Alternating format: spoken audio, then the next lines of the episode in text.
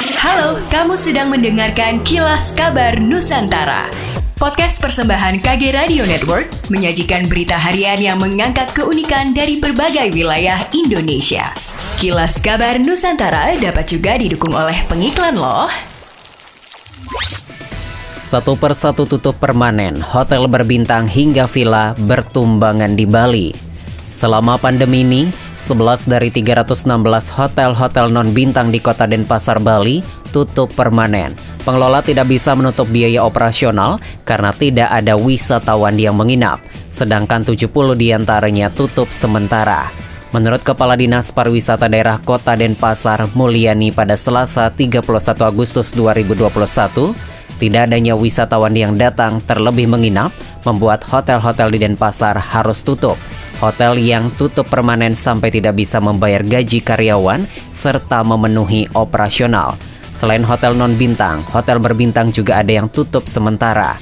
Dari 49 hotel berbintang yang ada di kota Denpasar, sebanyak 3 hotel tutup sementara.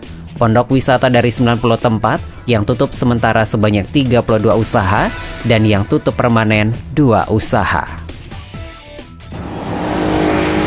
Sahabat Sonora terhitung dari 1 September 2021 ini jembatan Cirahong yang ada di perbatasan Kabupaten Tasikmalaya dan Kabupaten Ciamis Jawa Barat hanya diperuntukkan bagi pejalan kaki dan pengguna kendaraan roda 2 atau motor. Sahabat Sonora, jembatan Cirahong adalah jembatan kereta api berusia 128 tahun dengan memiliki panjang 202 meter dan berdasarkan hasil evaluasi dari uji pembebanan yang dilakukan oleh PT Kereta Api Indonesia Daerah Operasional 2 Bandung pada bulan Agustus lalu didapat kesimpulan bahwa jembatan Cirahong tidak diperkenankan bagi mobil atau kendaraan roda 4 atau lebih.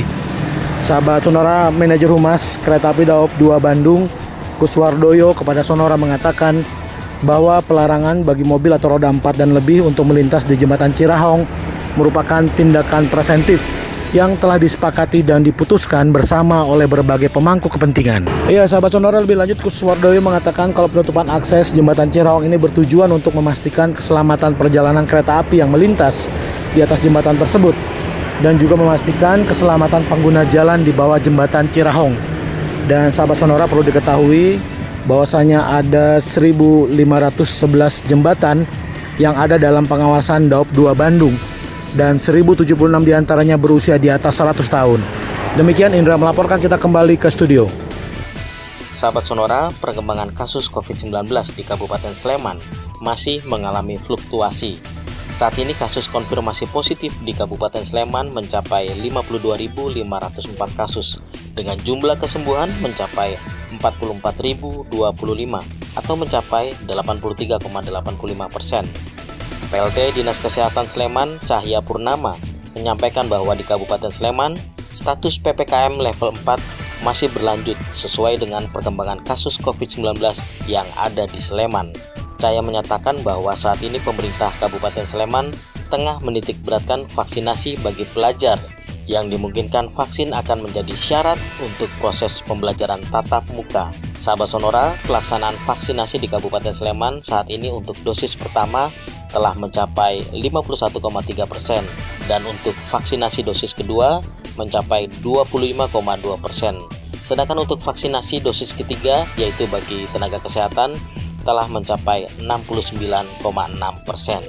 Cahaya menilai saat ini pemerintah Kabupaten Sleman tengah menguatkan beberapa aspek dalam penanganan COVID-19 hingga tingkat RT RW dimulai dari vaksinasi yang terus dilakukan, testing tracing yang lebih tinggi dan penerapan protokol kesehatan.